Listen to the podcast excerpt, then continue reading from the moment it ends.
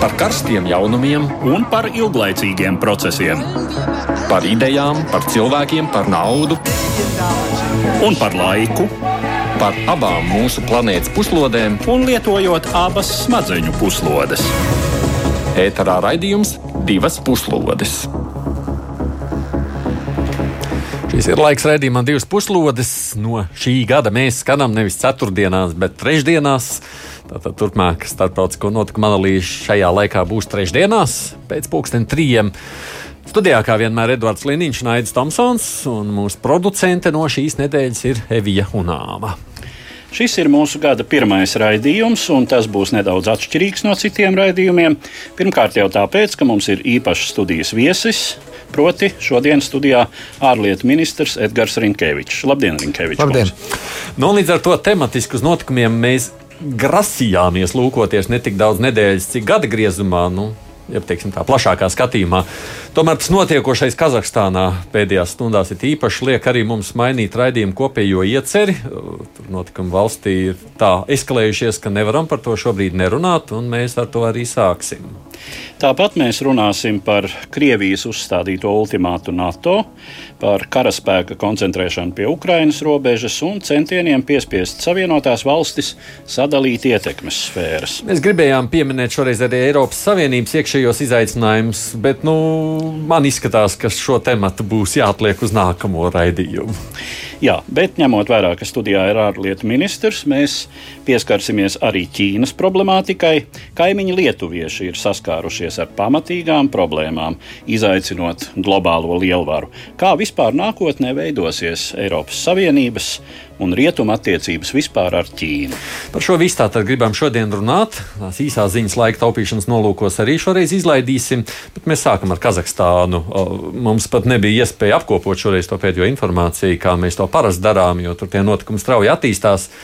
No mediju ziņoja, es arī skatījos, tā tad deg prezidenta rezidents Almatī, tur deg pilsētas administrācija, internets ir pazudis, izsludināts ārkārtas stāvoklis.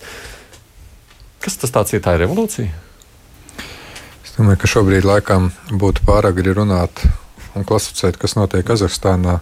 Revolūcijas atcelšanās nemieri vai, vai kāda cita veida aktivitātes, bet ir skaidrs, ka pašlaik tā situācija raisa zināmas bažas. Protams, ka pašlaik mūsu galvenais darbs ārlietu ministrijā ir maksimāli saprast, kas notiek ar mūsu valsts piedarīgiem. Varbūt tā nav pat lielākā kopiena, bet tur jā, ir mūsu valsts piedarīgie. Cik daudz mēs esam, tur daudz nav zināms. Uh, tur ir pāris desmit, apzi, pāris desmit apzinātu, bet uh, jāsaka, ka mums ir pazuduši sakari faktiski mm. gan interneta, gan telefona sakari ar Kazahstānu, pašā Kazahstānā. Bet nu, mēs uh, uzturam kontaktus arī ar vēstniecību, ar satelīta telefonu palīdzību. Mēs, uh, Kurā pilsētā mums ir vēstniecība? Nošotonā. Vēstniecība Aha, tā, tā, ir galvaspilsēta. Tur ir mierīgāk. Arī Nošotānā ir izsludināta ārkārtas jā, jā. situācija. Arī tur es saprotu, nav vairs tik mierīgi. Lais, jā. Bet uh, katrā gadījumā uh, tas, ka šeit mēs redzam pilnīgi noteikti, ka zinām sociāla-ekonomiskā spriedze ir vienkārši eksplodējusi, ņemot vērā lēmumu par autogāzes cenu paaugstināšanu. Nu, analizējot tos avotus, kas ir mūsu rīcībā, vairāk nekā divas reizes, tagad, protams, ir ieslēgta atpakaļ gaita. Acīm redzot, jāņem vērā arī kaut kāda noteikti iekšējā Kazahu sabiedrības uzbūve. Tur ir arī jāņem vērā dažāda veida apgabalu ietekme, dažāda veida arī situācija. Bet, protams, ka tas acīm redzams signāls ir ļoti nopietns Kazahstānas valdībai. Pat valdība, protams, ir arī iesniegusi atlūgumu, prezidents to ir atlaidis. Tas, ka tam var būt ietekme arī uz vispārējo ģeopolitisko situāciju, tam, ko jūs arī pieteicāt, runa varētu tālāk mūsu arī redzējumā būt par Ukrajinu, tas ir nenoliedzams fakts, jo neaizmirsīsim, ka Kazahstāna ir Eirāzijas ekonomiskās savienības dalība valsts, arī kolektīvā līguma, kolektīvā drošības līguma organizācijā, ka tā ir arī nu, diezgan cieši partneris Krievijas federācijai. Es domāju, ka tas šobrīd, kas notiek Kazahstānā, tiek analizēts nevienā vien galvaspilsētā. Gan tās ziņas, ko es tur skatījos, īsi pirms raidījumu, ka nu, baumu līmenī, ka prezidents varētu nākt ar nākošo paziņojumu televīzijā, ka viņš atlaiž parlamentu. Vai tas tā būs, to, vai nebūs, to mēs, protams, nezinām, vai tas kaut ko glāb vai nē. Edvards, es drīzāk jautājums tev šajā brīdī, kā tādam cilvēkam, kas jau, protams, arī seko visam notikumiem līdzi. Likās jau visu laiku, ka nu kā, ļoti stabila, nu labi, Jā. autoritārs, bet līdz ar to stabila valsts. Nu, tieši tā, pie kam tas autoritārisms bija salīdzinoši uz Centrālā Azijas Jā. fona, pat diezgan samtains. Jā. Uh, nu, lai gan opozīcija tika turēta stingrā kontrolē, arī tas parlaments ir ar attiecīgu politisku tā sacīt, lietu sakārtošanu, Jā. izveidots tāds, ka būtībā jau tā ir vairāk varas konjunktūras balsošanas mašīna. Un tā parlamenta atlaišana nu, būtu tāds mēģinājums kaut kā vēl pielāgot sabiedrību, jā, jā. kas ir kļuvusi nepakla, nepakļāvīga. Droši vien ir tā, ka nu, sava loma te ir tādiem mm, procesiem, kas ir raksturīgi šīm šiem autoritārismiem, kam faktiski ir zināmā mērā arhaisko Azijas despotiju pazīmes. Jo nu, Nazarbājevs, bijušais kompartijas pirmais sekretārs Kazahstānā un pēc tam prezidents, nu, zināmā mērā viņš ir ne tikai Nursultāns, bet arī sultāns. Tādā ziņā, ka viņa autoritātes spiediens kamēr viņš bija pie varas, acīm redzot, tur daudz ko turēja kontrolē. Tagad viņš ir atgājis no no ļoti konkrētas politiskās vadības. Tas ir iespējams... nepavisam, jo atcerieties, mēs savulaik esam runājuši par Kazahstānu kā tādu nu, iespējamo piemēru, jā, kā citi bet, varētu mēģināt līdzīgi. Jā, bet ir, ir runa ir par to, ka funkciju pārņēmējs prezidents Tokājevs ir salīdzinoši, no acīm redzot, tomēr vājāka personība vai ar vājāku autoritāti, iespējams arī harizmu. Eh, un eh, visi šie faktori tur ir daudz svarīgāki. Mēs jau, teiksim, tomēr pietiekami ilgi dzīvojot demokrātijā, eh, esam drusku piemirsuši, ko nozīmē tas, kad pēc vadoņa nāves faktiski ļoti, ar ļoti lielu iespējamību nojūg visu sistēmu. Un šajā gadījumā pat viņa labprātīgā atkāpšanās nedaudz no, no varas uh, centra. Uh, nu, ļoti iespējams arī ir, ir nozīmīgs faktors. Lai gan, nu, protams, tur ir klasiski nemieru priekšnoteikumi. Tur ir Tur ir pandēmijas krīzes satricināta ekonomika, un nu, šis konkrētais detonators, kas mūsu gadījumā šķiet gandrīz vai smieklīgs, auto gāzes cenu. Uh, nu, tā tad tas kā brīv, cenu atbrīvošana cik tur uz 0,2 jā, jā, nu mums, vai mums tas šķiet, mums nu, tas šķiet jā, jā, jā, nu, tātad no 11 eiro centiem laikam līdz, līdz 20, līdz 21. Ja? Jā. Bet, nu, jā, ļoti acīm redzot, liels, liels automašīnu skaits Kazahstānā lieto šo sašķidrināto gāzi kā degvielu. Mm. Nu, tas ir pietiekami izrādījies pietiekami, bet, bet nu, tā tad fons jau arī nepārprotami ir svarīgs. Ne, nu, jūs taču arī kā ministrs esat bijis droši vien, ne? Es esmu vairāks bijis. Jā, jūs varat mums kaut kādu nu, tādu uzzīmēt ainu mūsu klausītājiem, ko nozīmē Kazahstāna. Es gribētu teikt, tā, ka es pilnīgi piekrītu tam, ko teica Liniņa kungs, ka dažreiz ar tādām valstīm, kur varbūt nav šis demokrātiskais process, kur arī mūsu pilsoņi bieži vien kļūst dusmīgi, bet tās dusmas var rezultēties gan protestos un manifestācijās, gan reizes četros gados pie vēlēšanu urnām. Nu, galīgi nepatīk, tad tomēr to, kas tev galīgi nav pieņemams, tu izsvītro un, un to cilvēku vairs neievēl. Tad šeit, protams, ir nedaudz citu uzbūvējumu. Bieži vien liekas, ka viss ir ļoti mierīgi, klusi un stabili. Un tad vienā brīdī pēkšņi nu, viss tas, kas tur ir krājies, nāk ārā ar tādu lielu kvalitāti. Bet es gribu atgādināt, ka tā tomēr nav pirmā reize, kad ir bijušas tāda veida situācijas. Faktiski, ja nemaldos, 2011. gadā bija diezgan nopietni arī. Es teiktu, nemieri. Um, daļai varbūt tas ietekmē to, kas notiek šobrīd, jo kaut kur um, nu, šis kā lai saka, visu problēmu, sociālo-ekonomisko problēmu, varbūt arī kaut kādu politisku, etnisko, dažādu citu veidu faktoru kopums nostrādā.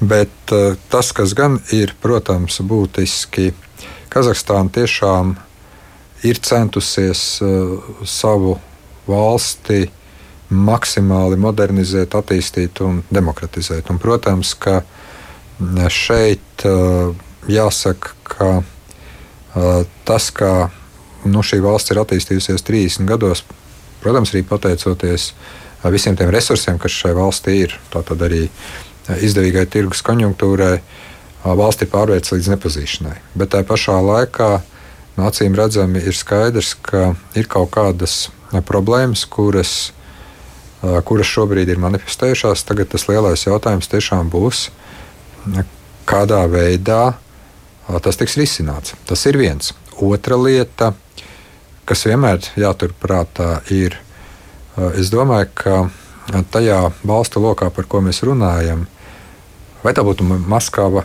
vai Minska vai blakus esošās centrālās Azijas valsts galvaspilsētas, protams, uzmanīgi vēro, kā šie notikumi attīstās, jo dažreiz tam var būt arī tā saucamais jau tāds nu, lavīnas efekts. Lavīnas efekts un tas vienmēr rada jautājums arī daudzās galvaspilsētās, kā uz to reaģēt. Un tad tas, teiksim, ja mēs redzam, ka tā situācija attīstās nu, daudziem Kazahstānas kaimiņiem nepieņemamā veidā, tad arī šī iekšējā situācija var faktiski uh, vienā brīdī pārauga diezgan nopietnā arī starptautiski politiskā krīzē. Tas ir iespējams, un pie tā, kas mums jau tagad ir, mm. tā gan vairāk būs problemātika, kas būtu jārisina Maskavai. Tā var būt arī lielā mērā ietekmējoša situācija kaut vai tepat Eiropā, kaut vai saistībā ar Ukraiņu. Jo vairākas problēmas risināt vienlaikus ir grūti jebkurai valsti. Bet, ja runājam par komentāriem, kas parādās ap šiem notikumiem pēdējā stundu laikā, nu, tur, piemēram, kādi saka, ja nu, ir palicis tikai divi ceļi Kazahstānā, vai nu Minskas vai Kijavas, nu, proti, vai nu tā kā Lukašenko apspiež, vai ir otrs variants, kad aiziet uz Maidanu un brīvību. Jā, un diemžēl mēs labi zinām, kādas sekas bija notikumiem Kijevā 2014. gadā. Tā bija Krievijas invāzija, Krīmas aneksija un situācijas destabilizēšana, faktiski nepieteikts karš Donbasā.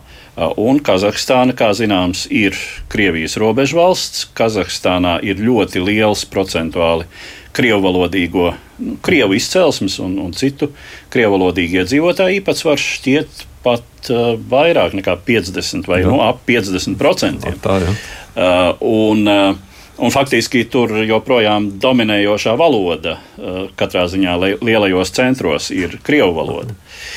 Tad Kazahstāna jau tika piesaukta reizēm 2014. un 2015. gadā kā tas nākamais solis. Un visus šos gadus jau faktiski ir spekulēts par to, kur Putins varētu spērt savu nākamo soli. Vai tā varētu būt Baltkrievija, vai tā varētu būt Baltija, nu, kas teiksim, būtu kapitāla avantūra, protams, vai tā var būt, varētu būt Kazahstāna.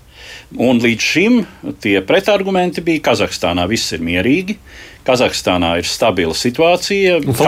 Salīdzinoši lojāla. Jā, Kazahstānā, Kazahstānas valdība ir labās attiecībās ar Krieviju. Uh, Uh, un uh, nu, vēl viens faktors, ka Kazahstānā ir lielas intereses Ķīnai. Uh, mhm. kurai tieši Krievijas iejaukšanās Kazahstānas situācijā varētu būt mhm. nepatīkama. Uh, bet, uh, ja ir runa par Maidāna ceļu, par Ukrainas ceļu, um, nu, tad uh, tāds Eiropai un, un Rietumu pasaulē visnepatīkamākais scenārijs varētu būt, ka Krievija un Ķīna kopīgi apņemas sakārtot lietas Kazahstānā tā vai citādi. Es mazliet gribētu jā, tomēr jā, no, teikt, ka jā. mums. Uh, Tā kā jūs citējāt šo te it kā nu, Minskas vai Kievas ceļu, ļoti skaisti, un, protams, ka mēs ņemam to, kas mums ir tuvumā. Es tomēr teiktu, ka laikam jāanalizē mazliet savādāk šis reģions. Es drīzāk teiktu, ka tur varētu būt modelis Kirgistāns, ja Biškeks ceļš. Atcerieties, cik daudz reižu prezidenti ir mainīti. Jā. Nu, arī sacelšanās rezultātā, un pavisam nesen pat uh, bija zināma nemiera arī Kirgistānā. Vai nu nosacīt, teiksim, Uzbekistānas taškēns, kur ir ļoti stingri, ļoti centralizēta, absolūti mm -hmm. nu, tāda uh, stingra vara. Es domāju, ka drīzāk jāskatās uh, Uh, tie modeļi tuvāk reģionam. Nevarētu ļoti tieši pārlikt, kā mēs esam pieraduši, tomēr mazliet savādāku vēsturisku, kultūrālo kontekstu, kāds ir piemēram Baltkrievija, Ukraina, pret to, kas ir Centrālā Azijā. Tas būtu viens, man liekas, un šeit tie modeļi tomēr būs dažādi. Otrakārt, neaizmirsīsim arī, kāpēc es arī teicu, ka Kazahstāna pēdējo 30 gadu laikā ir uh, daudz attīstījusies, modernizējusies, bet tur arī ļoti nopietni ir uh, attīstījusies nacionālā pašapziņa. Jums ir pilnīgi taisnība. Tiešām uh, ir bijušas diskusijas, kas varētu notikt ar Kazahstānas ziemeļiem. Atsevišķi krievu politiķi pat, ir, pat ir runājuši, ka daļa no Kazahstānas ziemeļiem ir mūsu vēsturiskā teritorija. Arī tur sākās, kurš kuram kurā laikā kaut ko atdeva, atzina un tā tālāk. Bet tajā pašā laikā Kazahstāna ir ļoti daudz darījusi, lai vairāk nostiprinātu nacionālo valodu, identitāti un vispār. Mm. Es domāju, arī tas vēl var spēlēt. Tas tik vienkārši vairs 2022. gadā, kā varbūt pirms 20, 30 gadiem, nebūs, ka kāds var ienākt un kaut ko sakārtot. Bet to, ka ir nopietnas, un šeit es pilnīgi piekrītu, intereses divām nu, kaimiņu valstīm, tas ir fakts. Bet es arī būtu ļoti uzmanīgs, mēģinot analizēt šo valsti no tādām uh, Eiropas, um, kā lai saka, uh, pieejām vai, vai modeļiem. Tur tomēr jāskatās, jā. kas notiek. Bet, vai nu Kirgistānā, jā. vai nu Uzbekistānā. Ska, Jānis te prasa, un būtībā viņš varētu pārformu, pārformulēt tā, kas būtu tas, nu, kam būtu jānotiek, lai Krievija, nu, teiktu, labi, mēs malā palikt nevaram, ejam kaut ko darām. Tas ir labs jautājums. Es vienmēr tādā gadījumā aicinu uzdot šo jautājumu, ja ir kāda iespēja kādam no Krievijas politiķiem vai amatpersonām. Vai viņam var ticēt, ko viņi saka, to es gan neesmu jo, jo, grūti ir, protams, komentēt citas valsts pieeja. Bet, redziet, Krievijai un Kazahstānai ir daudz ļoti kopēji projekti, kaut vai, piemēram, Baikonūras kosmodroms, kas ir gana būtisks. Jā, tur ir ļoti būtisks Krievijas intereses. Pilnīgi piekrītu par ļoti būtiskām Ķīnas ekonomiskajām interesēm. Uh, Uh, savā ziņā neaizmirsīsim, ka bieži vien nav jau tā, ka Krievija ar Ķīnu kaut ko kopīgi dara. Bieži vien tur notiek tomēr nepārāk redzama, jā, bet jā, diezgan jā, nopietna sāncensība. Tāpēc, uh, manuprāt, ka, ja viena vai otra lielvara jūt, ka nu pat pārāk otrai radās ietekme, diez vai tur varētu būt runa par kaut kādām atklātām militārām intervencijām. Nu, maz ticamā, bet mēģinājumi ietekmēt kaut kā, lai šis spēku kaut kāds līdzsvars iekšējais vai interesu nu, ziņā, teiksim, abu lielvaru intereses tiek kaut kādā veidā sabalansētas, tas tā varētu būt. Bet kam jānotiek, lai, nu, nezinu, notiktu kaut kāda veida militāras akcijas, ziniet, es šobrīd nespekulētu. Es tomēr gribētu cerēt, ka šī situācija atrisinās, jo es domāju, ka neviens nebūtu interesēts vēl vienā mega nestabilitātes attīstībā. Jā, ir grūti šobrīd saprast, kas tur notiek, bet ir arī tikai pirmās dienas. Ļoti gribās cerēt, un, un tā noteikti ir arī mūsu pozīcija, ka, uh, protams, ka ir kaut kādi brīži, kad jā, var tikt uh, lietoti paņēmieni, lai novērstu vardarbību, bet nu, vienīgais veids, kā kaut kādā veidā attīstīt normālu situāciju, ir dialogs. Bet ko es gribētu izmantot arī šo raidījumu, ko ārlietu ministrija šodien ir vairākas reizes teikusi, un man ir pienākums to pateikt. Mm. Visiem mūsu pilsoņiem, visiem mūsu valsts piedarīgiem, kas kaut kādu iemeslu dēļ bija domājuši doties uz Kazahstānu, mēs ļoti nopietni iesakām un aicinām nedoties. Mūsu iespējas palīdzēt ir ļoti ierobežotas šobrīd, kā jau mēs sarunas sākumā minējām. Sakari ar Kazahstānu faktiski ir ļoti apgrūtināti, pārtraukti. Pašā Kazahstānā tas arī ir pārtraukts. Nursultānā galvaspilsētā ir ārkārtas stāvoklis, un mūsu iespējas sniegt kaut kādu veidu atbalstu, konsulāro palīdzību šādos apstākļos ir minimāli, pat dažreiz faktiski neiespējami. Tāpēc, ja kādam bija kaut kas paredzēts, lūdzu atlieciet braucienu uz mierīgāku laiku. Nu, mēs jau, protams, sekosim līdzi. Droši vien, ka mēs nekur neliksimies. Mēs nākošais trešdien par to runāsim. Nav jau arī līdz galam saprotams. Es gribu šo jautājumu noslēgt. Nu, Cik tad paši protestētāji nu, šobrīd apzinās, ko viņi grib, vai ne? Jo tas pieļauj un, emociju. Mazliet vairāk. paturpinot Rinkeviča kungu teikto, šī etniskā komponente tur nav īsti skaidra, vai tāda tur ir vai nav. Uh, drīzāk no stāvokļa stabilitātes viedokļa gribētos cerēt, ka nav, jo tas varbūt būtu vienīgais, kas tiešām varētu izraisīt Krievijas iejaukšanās, ja tur parādās nu, teiksim, etniska pretstāve starp krievalodīgo iedzīvotāju daļu un, un kazahiem. Nu, etniskajiem. Arī pašā kazahu, kā lai saka, vidē ir ārkārtīgi dažādas te stratas. Tā arī jā. Ah, nu, Ministrs jau pieminēja, sakot, nu, ja vajadzētu, tad, kā saka, pievērst uzmanību vairākām valstīm uzreiz vienmēr ir grūti. Nu, mēs jau redzam, Krievijai pašreiz viņas aktivitātes pie Ukrainas jau nedod mums mieru. Te mums ir tāds vispirms gan tagad sagat- sagatavots tāds kā ievads tematikā, paklausāmies ierakstu. Pagājušais gads nesa jaunu eskalāciju Krievijas agresijā pret Ukrainu, kas dažus iepriekšējos gadus šķita nobremzēta. Novembra vidū jau otro reizi gada laikā tika ziņots par Krievijas bruņoto spēku koncentrēšanos Ukrainas robežu tūmā, uz ko Rietumvalsts reaģēja ar brīdinājumiem. Iebrukuma gadījumā izvērst pret Krieviju nopietnas sankcijas. Jauns pavērsiens procesā iestājās decembra vidū, kad Maskava publiskoja savus variantus nolīgumiem ar Savienotajām valstīm un NATO, kas acīm redzot materializē tās drošības garantijas, par kurām jau kādu laiku runā Kremlis. Krievijas versijā Ziemeļatlantijas aliansē un ASV būtu nevien jāgarantē Ukrainas un jebkuras citas Austrumēropas valsts neuzņemšana NATO un jāpārtrauc ar šīm valstīm divpusējā militārā sadarbība, bet arī jāatvelk vecāko alianses dalību valstu spēki no to dalību valstu teritorijas, kuras aliansē iestājās pēc 1997. gada. Krievija no savas puses nepiedāvā kādas nozīmīgas militāras stratēģiskas piekāpšanās, vienapusēju raķešu spēku atvilkšanu, militāro mācību apjoma ierobežošanu un dažus risinājumus nejaušu incidentu novēršanai NATO un Krievijas spēku saskarsmes zonā. Faktiski Kremlis vēlas diktēt Ziemeļatlantijas aliansei tās tālākās attīstības noteikumus un panākt, ka NATO drošības garantijas dalību valstīm postpadomu telpā kļūtu lielā mērā nomināls. Lielum lielais vairums analītiķu atzīst šos uzstādījumus par principiāli nepieņemamiem.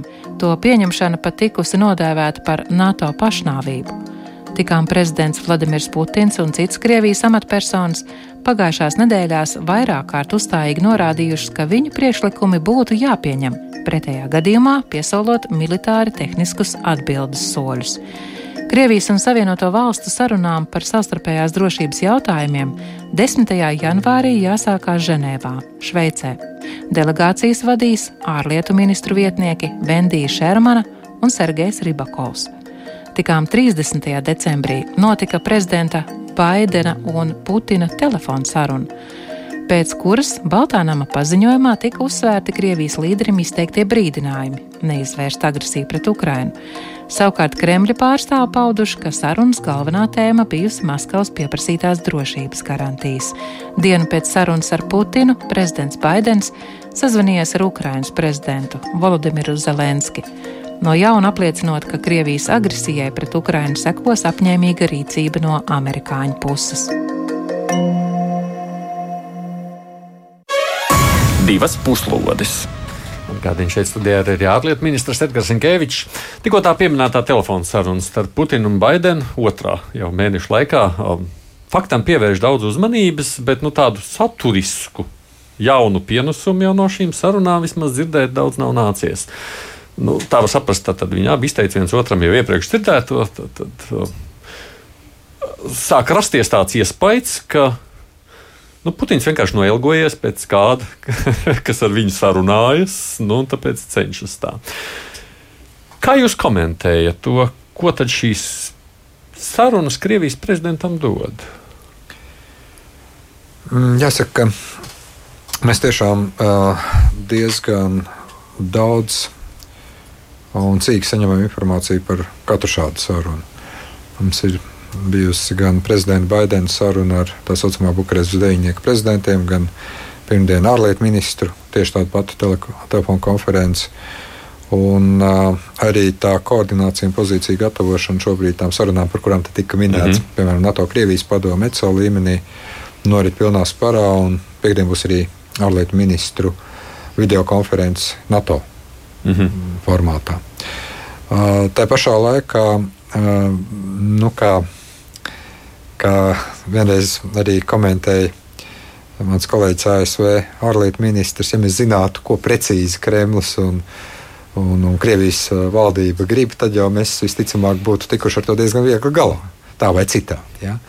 Bet uh, ir tāda sajūta, ka šobrīd vienkārši notiek tāda taktiska spēle, uzlikt gana daudz dažādas lietas uz galda un mēģināt izspiest maksimālo, ko var izspiest šajā situācijā. Uh, no diplomātiskā viedokļa ir ļoti neparasti, ka jūs publiskojat dokumentu projektus, sarīkojat tādu ārkārtīgi lielu jēstru sabiedrisko attiecību kampaņu, komentēt visos iespējamos līmeņos, pirms jūs vispār esat pat tā kārtīgi izrunājies ar savu sarunu biedru.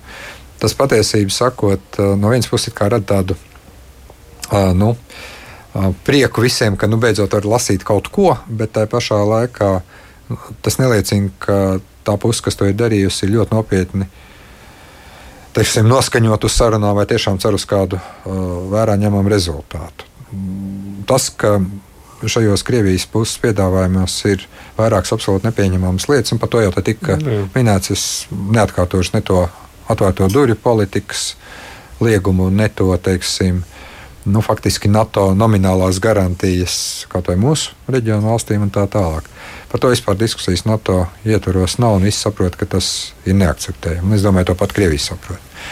Bet ir lietas, protams, par kurām var runāt. Tur ir vesela rinda informācijas apmaiņas, uzticības veicināšanas, bruņojumu kontrolas elementu, bet arī par to nevar vienoties vienas vai divu vai trīs sarunu laikā. Tas ir ļoti rūpīgs, ļoti sarežģīts.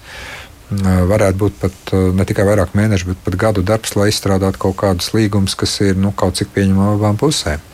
Tātad tas lielais jautājums ir tāds, vai nu pašlaik notiek vienkārši tests, cik tālu var izspiest kādu tiešām piekāpšanos, vai nu vienkārši tiek sarīkota nu, tāda neliela izrāde pirms tiešām kādas agresīvas rīcības Ukrainā. Jo redz, mēs te tikko piedāvājumus mm. noraidījām, nu tad mēs tagad sāksim rīkoties, kā to ir teikušas vairākas Krievijas amatpersonas, atbilstoši mūsu interesēm, pielietojot militāri tehniskus paņēmienus, lai ko tas arī nozīmētu, pārtulkojot tādā cilvēcīgā valodā.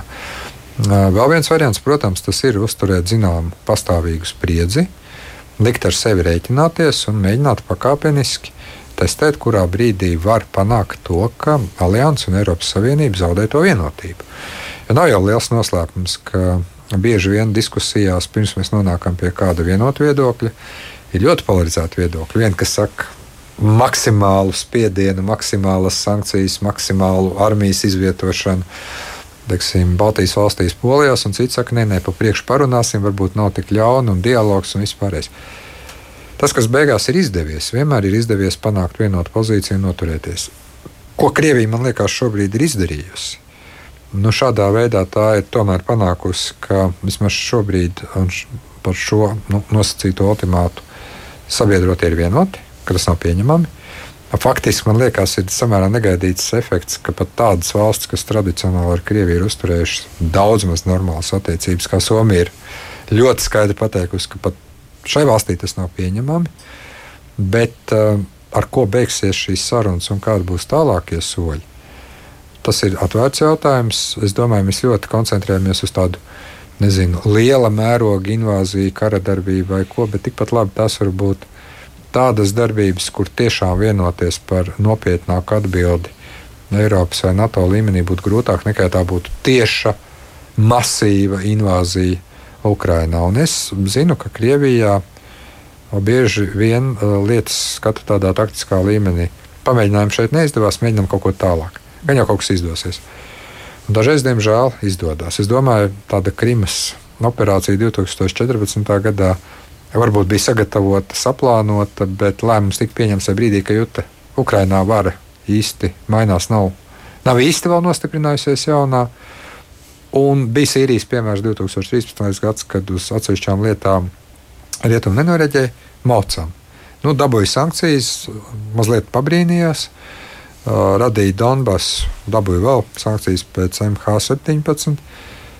Vēl viens aspekts, protams, kas ir jāņem vērā, mēs nezinām arī, kāda iekšpolitiska apsvērumi pašā Krievijā šobrīd spēlē lomu. Tā kā šī situācija ir kompleksa, Tas, kas mums ir svarīgi, mums ir svarīgi noturēt NATO vienotību, maksimālu atbalstu Ukrainai un, protams, nepieciešamības gadījumā palielināt NATO sabiedroto klātbūtni mūsu drošības stiprināšanai. Tie ir tie mūsu galvenie uzdevumi pašreizējā situācijā.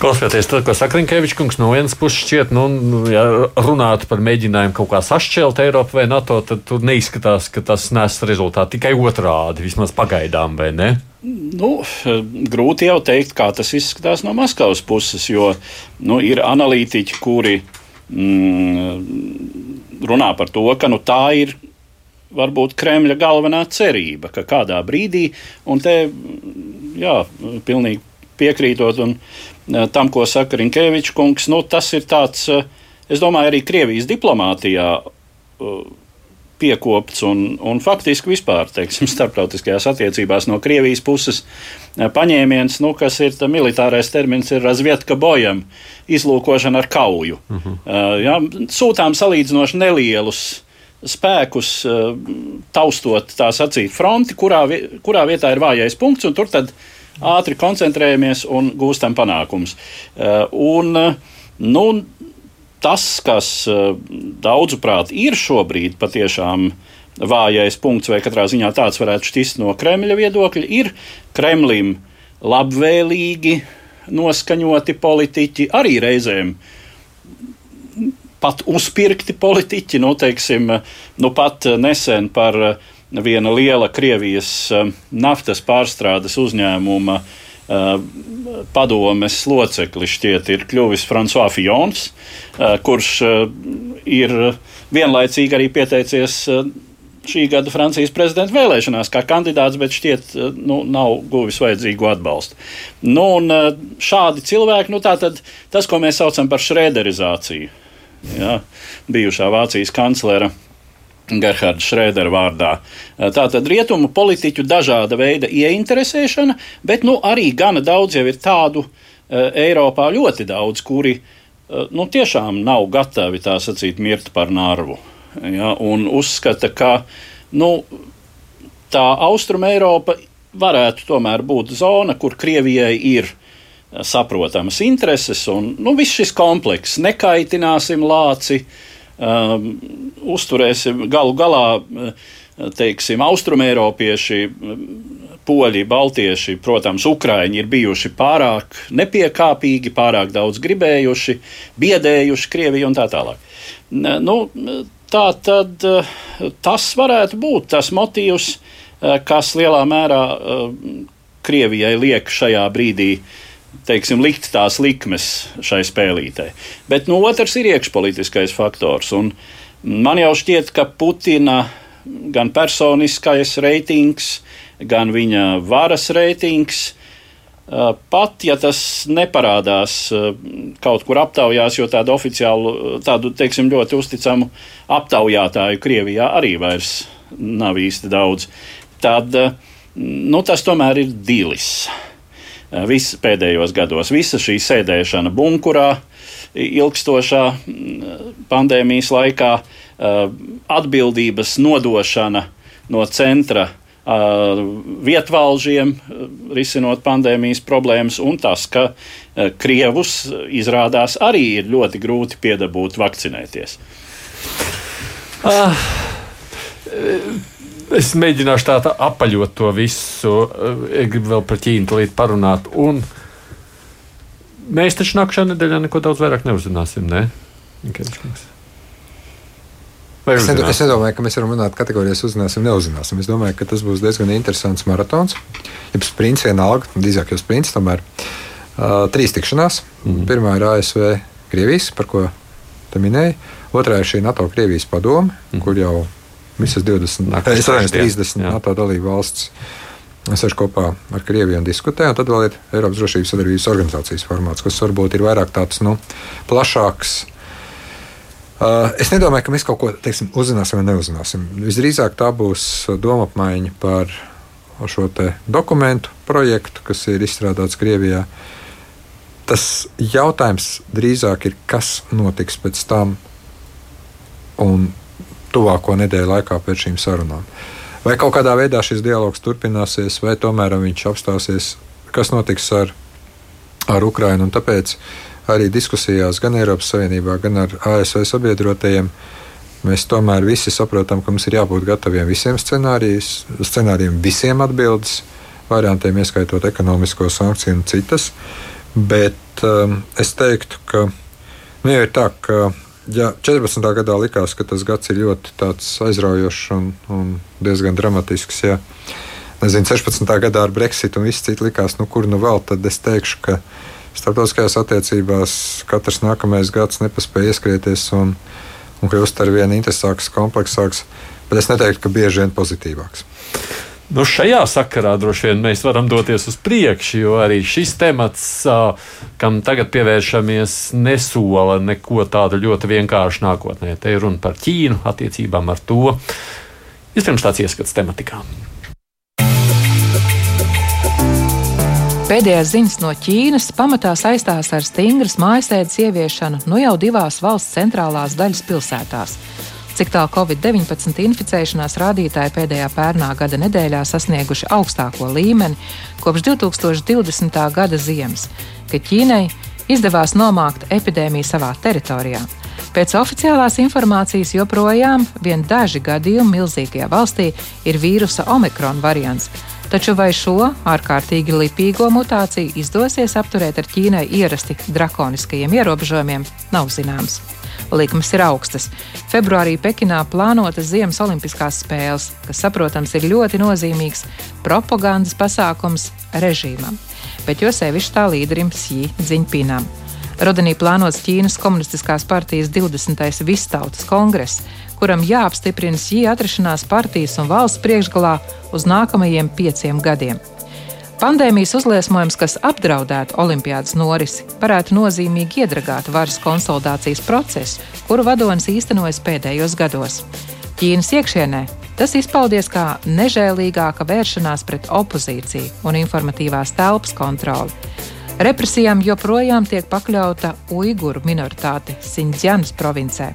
Arvien dzelžaināks kļūst totalitārās varas vēriens līdz šim autonomajā Hongkongā kur līdz ar gada beigām savu darbību pārtrauc pēdējie neatkarīgie mediji. Un arī tika novākta statuja 1989. gada Tjaņaņmeņas laukuma protestu upuriem. Ar vien pieaugušo kontinentālās Ķīnas militārā spēka demonstrēšanu piedzīvo Taivāna, kuru Pekina, kā zināms, neatzīst par neatkarīgu valsti, bet gan savas suverēnās teritorijas sastāvdaļu. Kā nesen intervijā telekanālam CNN atzinusi Taivānas prezidenta Cai Inveņa, Ķīnas spiediens pieaugot ar katru dienu. Viss iepriekš minētais ir iemesls, kāpēc Savienotās valstis, Lielbritānija, Austrālija un Kanāda paziņojuši par olimpiādas diplomātisko boikotu. Eiropas Savienības valstis gan šai ziņā ietur mērenāku pozīciju.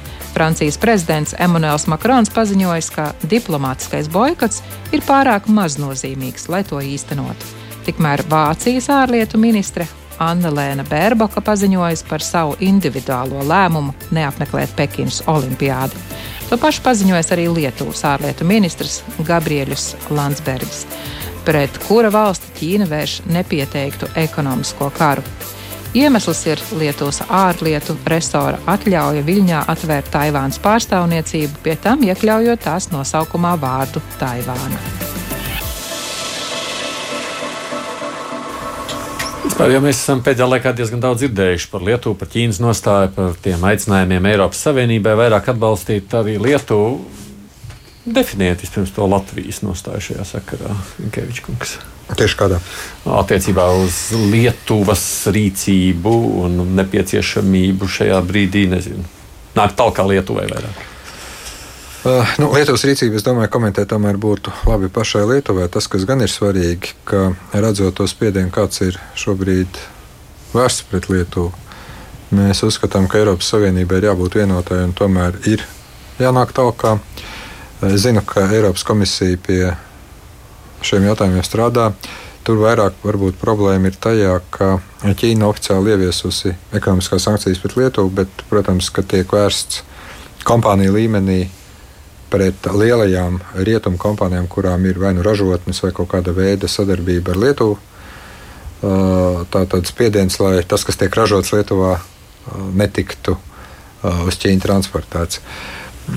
Šeit jāsaka, ka tie mehānismi ir diezgan sarežģīti, lai sniegtu atbalstu, jo tā ir pamatā vēršanās Pasaules tirdzniecības organizācijā, bet tur ir jābūt pietiekamiem pierādījumiem, juridiskiem argumentiem un pierādījumiem, ka tas tiešām notiek politiski iemeslu dēļ.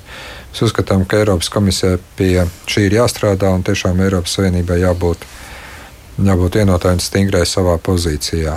Cita lieta, ka mēs zinām arī, ka pašā Lietuvā ir sākusies diskusija, diezgan nopietna diskusija, iekšpolitiski par to, kurš ko kad zināja, kurš kādā veidā to lēmumu pieņēma. Nu, to es atstāšu pašas Lietuvas iekšpolitiskajai kā lai saka. Tas ir komentārs klausītājiem. Tātad prezidents kaut kādā brīdī sacīs, jā, varbūt tā bija kļūda lietot šo nosaukumu Taivānas. Tikmēr ārlietu ministrs Lietuvas saka, ka nē, nē, nē, prezidents labi zināja, un vispār tas notika ar prezidenta akceptu. tā bija viņa, tā kā pat jāsaka, apmēram līdzīga tā kā iniciatīva, un apmēram tā, kurš ir vainīgs, ja, kurš sāk. Es vienkārši paskaidroju klausītājiem, lai zinātu, par ko ir runa. Jā, bet skatoties no vienkārši tad Lietuva kļūdījās vai nē, tomēr, jūsuprāt? Vēlreiz, es domāju, ka ir jautājumi, kuros valsts pieņem samērā suverēns lēmums. Protams, ka viens otrs lēmums nāk ar sakām. Tas, kas mūsuprāt tiešām ir nepieņemami, ka nu, tā reakcija un tas spiediens ir faktiski vērsts lielā mērā ne tikai pret vienu atsevišķu valsti, bet nu, ar mērķi ietekmēt citas valsts un Eiropas nostāju kopumā. Mēs no savas puses tomēr Ķīnas politikā vadāmies no, no vairākiem principiem. Pirmais Jā, mēs esam vienmēr iestājušies par to, ka Eiropas Savienība tikai kopā var panākt kādu taustāmu vienalga rezultātu ekonomiski vai politiski. Otra lieta - cilvēktiesība aspekts ir gana nopietns. Mēs esam arī atbalstījuši daudz Eiropas Savienības kopējas lēmumus par sankcijām, tostarp arī runājuši par tām lietām starptautiskajās organizācijās. Mēs zinām, ka viens no mūsu politikas stūrakmeņiem, ko arī Lietuva ir apstiprinājusi, tā saucamā vienas Ķīnas politika. Tas ir tas, pie kā mēs pieturamies. Bet, protams, ka viss tas, kas te ir skanējis par cilvēktiesību situāciju Uiguru apdzīvotajā reģionā, Hongkongas stāvoklis, tās lietas uh, raisa bažas, par tām tiks runāts. Bet uh, mēs pašlaik, uh, nu, es teiktu, tā nedomājam spērt kādus soļus, teiksim, misijas nosaukuma maiņā vai ko. Pie mums Latvijā darbojās Taipējas pārstāvniecība, tā ir tīri ekonomisku jautājumu risināšanai, bet mēs arī uzskatām, ka Eiropas Savienībai tiešām ir jābūt vienotākai un efektīvākai atbalstot valsts. Vai un kādā veidā šis solis no Lietuvas puses bija pareizs, kā jau es teicu, es domāju, šis ir pašai Lietuvai izdiskutēt un izlemt. Bija ne, mums viņus būs mācīt. Nu, Edvards var atļauties pamācīt. Edvard, kā Nē, ir? Pamācīt pasarg Dievs. Es varu tikai atreferēt to, ko es esmu lasījis, un proti, nu, apmēram tā, ka pirms, teiksim, vēl pirms pieciem gadiem, droši vien lielākā daļa teiktu, ka nu, tā ir kļūda, neiedzīga izliekšana no Lietuvas puses. Nu, kāpēc mēģināt būt svētākam par pāvestu, kāpēc darīt to, ko nedara Savienotās valstis, Lielbritānija, Francija vai jebkura cita daudz mhm. spēcīgāka valsts? Jo skaidrs, ka nu, Ķīnas iespējas, globālās iespējas ir sagādāt Lietuvai pietiekami daudz nepatikšanu. Bet eh, nu, šobrīd varbūt tas vairs nav tā, tik nepārprotami. Jo uh, uz Ķīnas lomu, uz Ķīnas globālo lomu, uz Ķīnas globālajiem centieniem, um, uz uh, Ķīnas centieniem reģionā šobrīd skatās citādāk nekā pirms pieciem gadiem. Uh, ir skaidrs, ka briest šī pretstāve uh, kas ir ne tikai pretstāvis starp Ķīnu un Savienotajām valstīm. Trumpa laikā tur tika akcentēti pamatā ekonomiskie jautājumi, teiksim, un, un arī zināmā mērā valsts drošības jautājumi, bet Baidena administrācija liek akcentu uz demokrātijas situāciju Ķīnā, cilvēktiesību situāciju. Bet, teiksim, arvien noteiktāk iezīmējās šī pretstāve starp Ķīnu un pārējām reģionu valstīm, mm, kuras, kurām nu, Ķīna ir pretinieks kā mm, demokrātiskās sistēmas ziņā. Nu, tā ir Taivāna, tā ir Japāna, Dienvidkoreja, mm, zināmā mērā arī Singapūra, zināmā mērā arī Vietnama. Tad nu, teiksim, vai nepārprotami likme ir jāliek vienmēr uz Ķīnu, vai varbūt tomēr uh, Lietuva ir rīkojusies. Nu, tāds jautājums katrā ziņā ir izskanējis. Varbūt tomēr Lietuva ir rīkojusies zināmā mērā tālredzīgi, liekot uz tiem spēlētājiem reģionā, kas būs nepārprotami uh, Ķīnas pretinieku un pretsvars, ja mēs skatāmies no rietumu pasaules. Bet arī tas ir diezgan nu, tā, eh, ciniski, ja, ja tā uz šo lietu paskatās, jo reizēm jau gribas paskatīties patiešām cilvēciski, ka nu, patiešām bet, eh, uztrauc cilvēku. Nu, ko nozīmē cīniski? Nu, teiksim, patiešām mēs raizējamies par. Bet nē, nu Taivāna, Taivāna ir mūsu, mums tuvāka, mm -hmm. nepārprotami tuvāka savu uh, politikas principu valsts iekārtas, uh, attieksmes pret jebkuru brīvību, attieksmes pret uh, pilsoņu tiesībām ziņā. Protams, mhm. Taivāna no, ir demokrātiska. Mēs jau valsts. skatāmies arī uz notiekošo Hongkongā šobrīd, kur mēs redzam, tā situācija kļūst ar vienu no tādu no perspektīvas viedokļa drūmāka. Oh Kas sagaida mūs tagad tālāk šajās? Nu, jūs teicāt, ka katrs gads nes ar vien nepatīkamāku skatu. Arī uz Ķīnu lūkojoties, tās sajūtas nav optimistiskas. Jā, es domāju, ka kaut kur teiksim, pēc tāda liela optimisma viņa 90. gados, kad bruka Padomju impērija, bruka Varšavas pakts, visiem likās, nu, tā, nu jau slavenā nodrastā frāze par vēstures beigām, viss ir beidzies, viss ļaunais aiz muguras un viss labais sākās. Un nē. Paiet 30 gadi, un mēs saprotam, ka lielā mērā nu, demokrātijas tiek apdraudētas, autoritārismu uzvaras gājiens notiek. Nevēl te bija tāds arī samits, ko rīkoja prezidents Baidens, tā saucamais demokrātijas samits decembrī, kas ir tomēr mēģinājums saliedēt un atbildēt. Bet ir viena lieta, ko gan es gribētu teikt. Um, tas, ko mēs esam sapratuši, un es domāju, to saprot daudzi, ka uh, tas ir kā, kā tas slavenais piemērs ar vienu atsevišķu žagaru un žagaru buntīti. Vienu žagaru tu vari laust. Žagaru buntīti ir gandrīz grūti.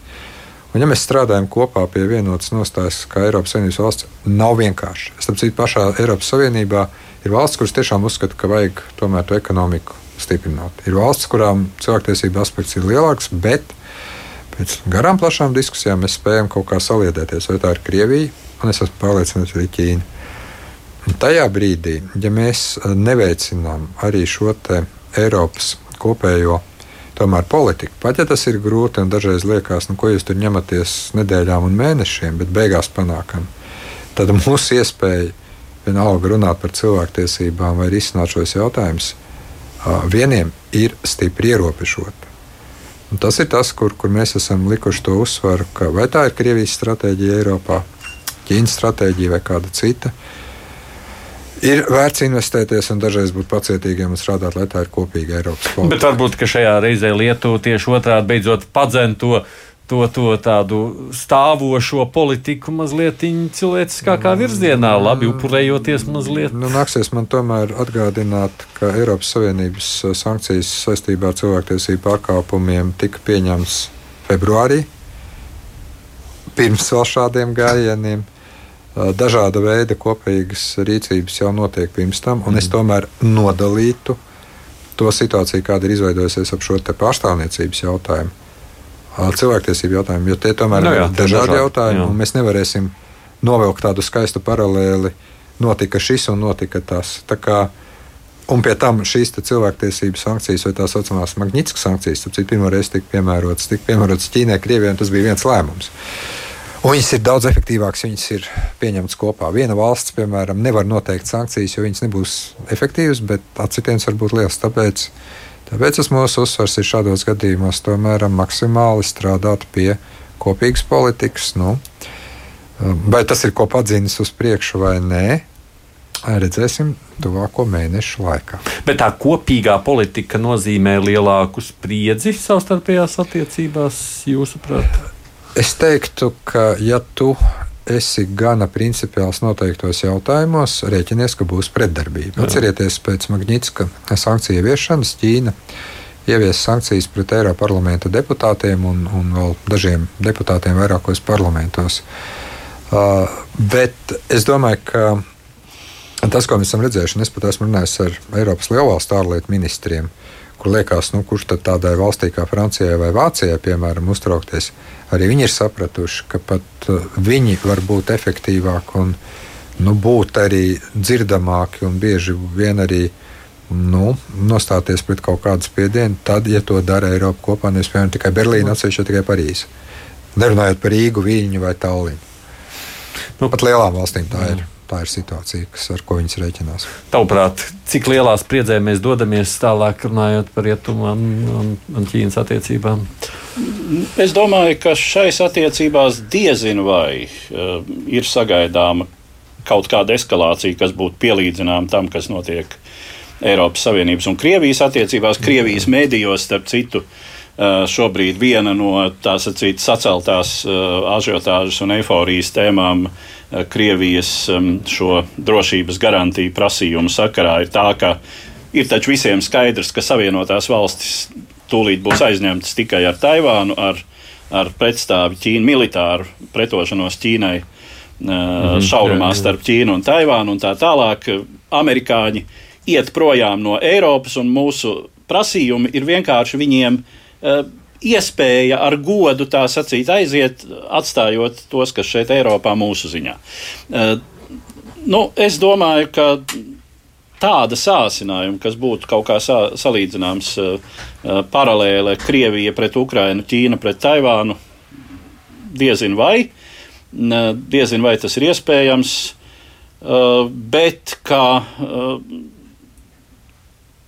tādas eh, nu, teiksim, idilliskas zināmā mērā attiecības, un attiecības, ka mēs runājam Ķīnas sakarā tikai par ekonomiku un uh, atstājam malā to, kas ir saistīts ar šīs valsts uh, iekšpolitiku un ar šīs valsts arī centieniem reģionā. Nu, tā tas nebūs, un acīm redzot, šeit uh, Šeit uh, ir sagaidāma ilgstoša sarkanu līniju vilkšana un, un daudz paziņojumu. Un droši vien arī, arī kaut kādas uh, sankcijas, arī kaut kādas uh, ekonomisko sakaru ierobežošanas, kas var tāpat skart arī kādā brīdī Latviju, protams. Nu ko, pēdējā minūtē jānovēl jums šajā ar vienu saspringtākajā gadā.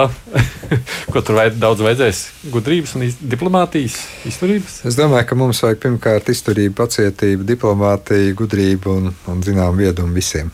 Gan iekšpolitiski, gan ārpolitiski. No, nu, gudri kā to pasniegt, tā lai visi saprot, ko jūs darāt. Vai ne? Arī. To es arī saku ārlietu ministram Edgars Linkevičam. Paldies, ka atnācāt šeit uz raidījumu divām puslodēm. Uh, Edvards Liniņš, Aits Tomsons šeit studijā. Es reiz droši vien saku, nu, mums jau laikam nākamās raidījuma temats gan arī skaidrs, par ko mums būs jārunā. Kazahstāna, nu, ticamāk, mēs sekosim līdzi. Mūsu uzmanības centrā. Jā, būs jāsako droši vien tam, kas noticis attiecībā šajās sarunās, kas būs starp Krieviju un ASV. Arī tās jau būs. Man liekas, nākamajā trešdienā, vai ne? Tā NATO uh, Tātad 12. tikšanās. Jā, tas jā, arī nākamā trešdiena arī tā notiek, runājot par attiecībām ar Krieviju. Nu, un mums šodien neizrunātais temats, ko es savukārt klausītājiem, ja mēs viņu reklamējam, atvainojos, jā, bija runa, ka mēs gribam mazliet runāt, parunāt par iekšpolitiskiem izaicinājumiem un to, kas mūs sagaida Eiropā, dažādām vēlēšanām, kam mēs arī gatavojamies. Tas arī būs temats, kam mēs droši vien pārliekam uz nākamo reizi nu, sekojiet līdzi uh, tiem aktuālajiem notikumiem, kādi, protams, arī šeit ir bijuši. Nu tā, uh, producēja raidījumu Eviju un Āmu. Tagad no šī gada to es atgādinu. Jā, mēs tiekamies ētrā atkal pēc nedēļas. Tātad divas puslodes tagad skan atgādina. Turpmāk raidījums ir trešdienās. Mēs esam jā, atgriezīsimies atkal savā ikdienas ritumā. Nu, un droši vien beigās jānovēl, lai visiem šis gads tomēr nes vairāk labu ziņu, lai tas ir vairāk miera, nevis tādu satraukumu gads divas puslodes.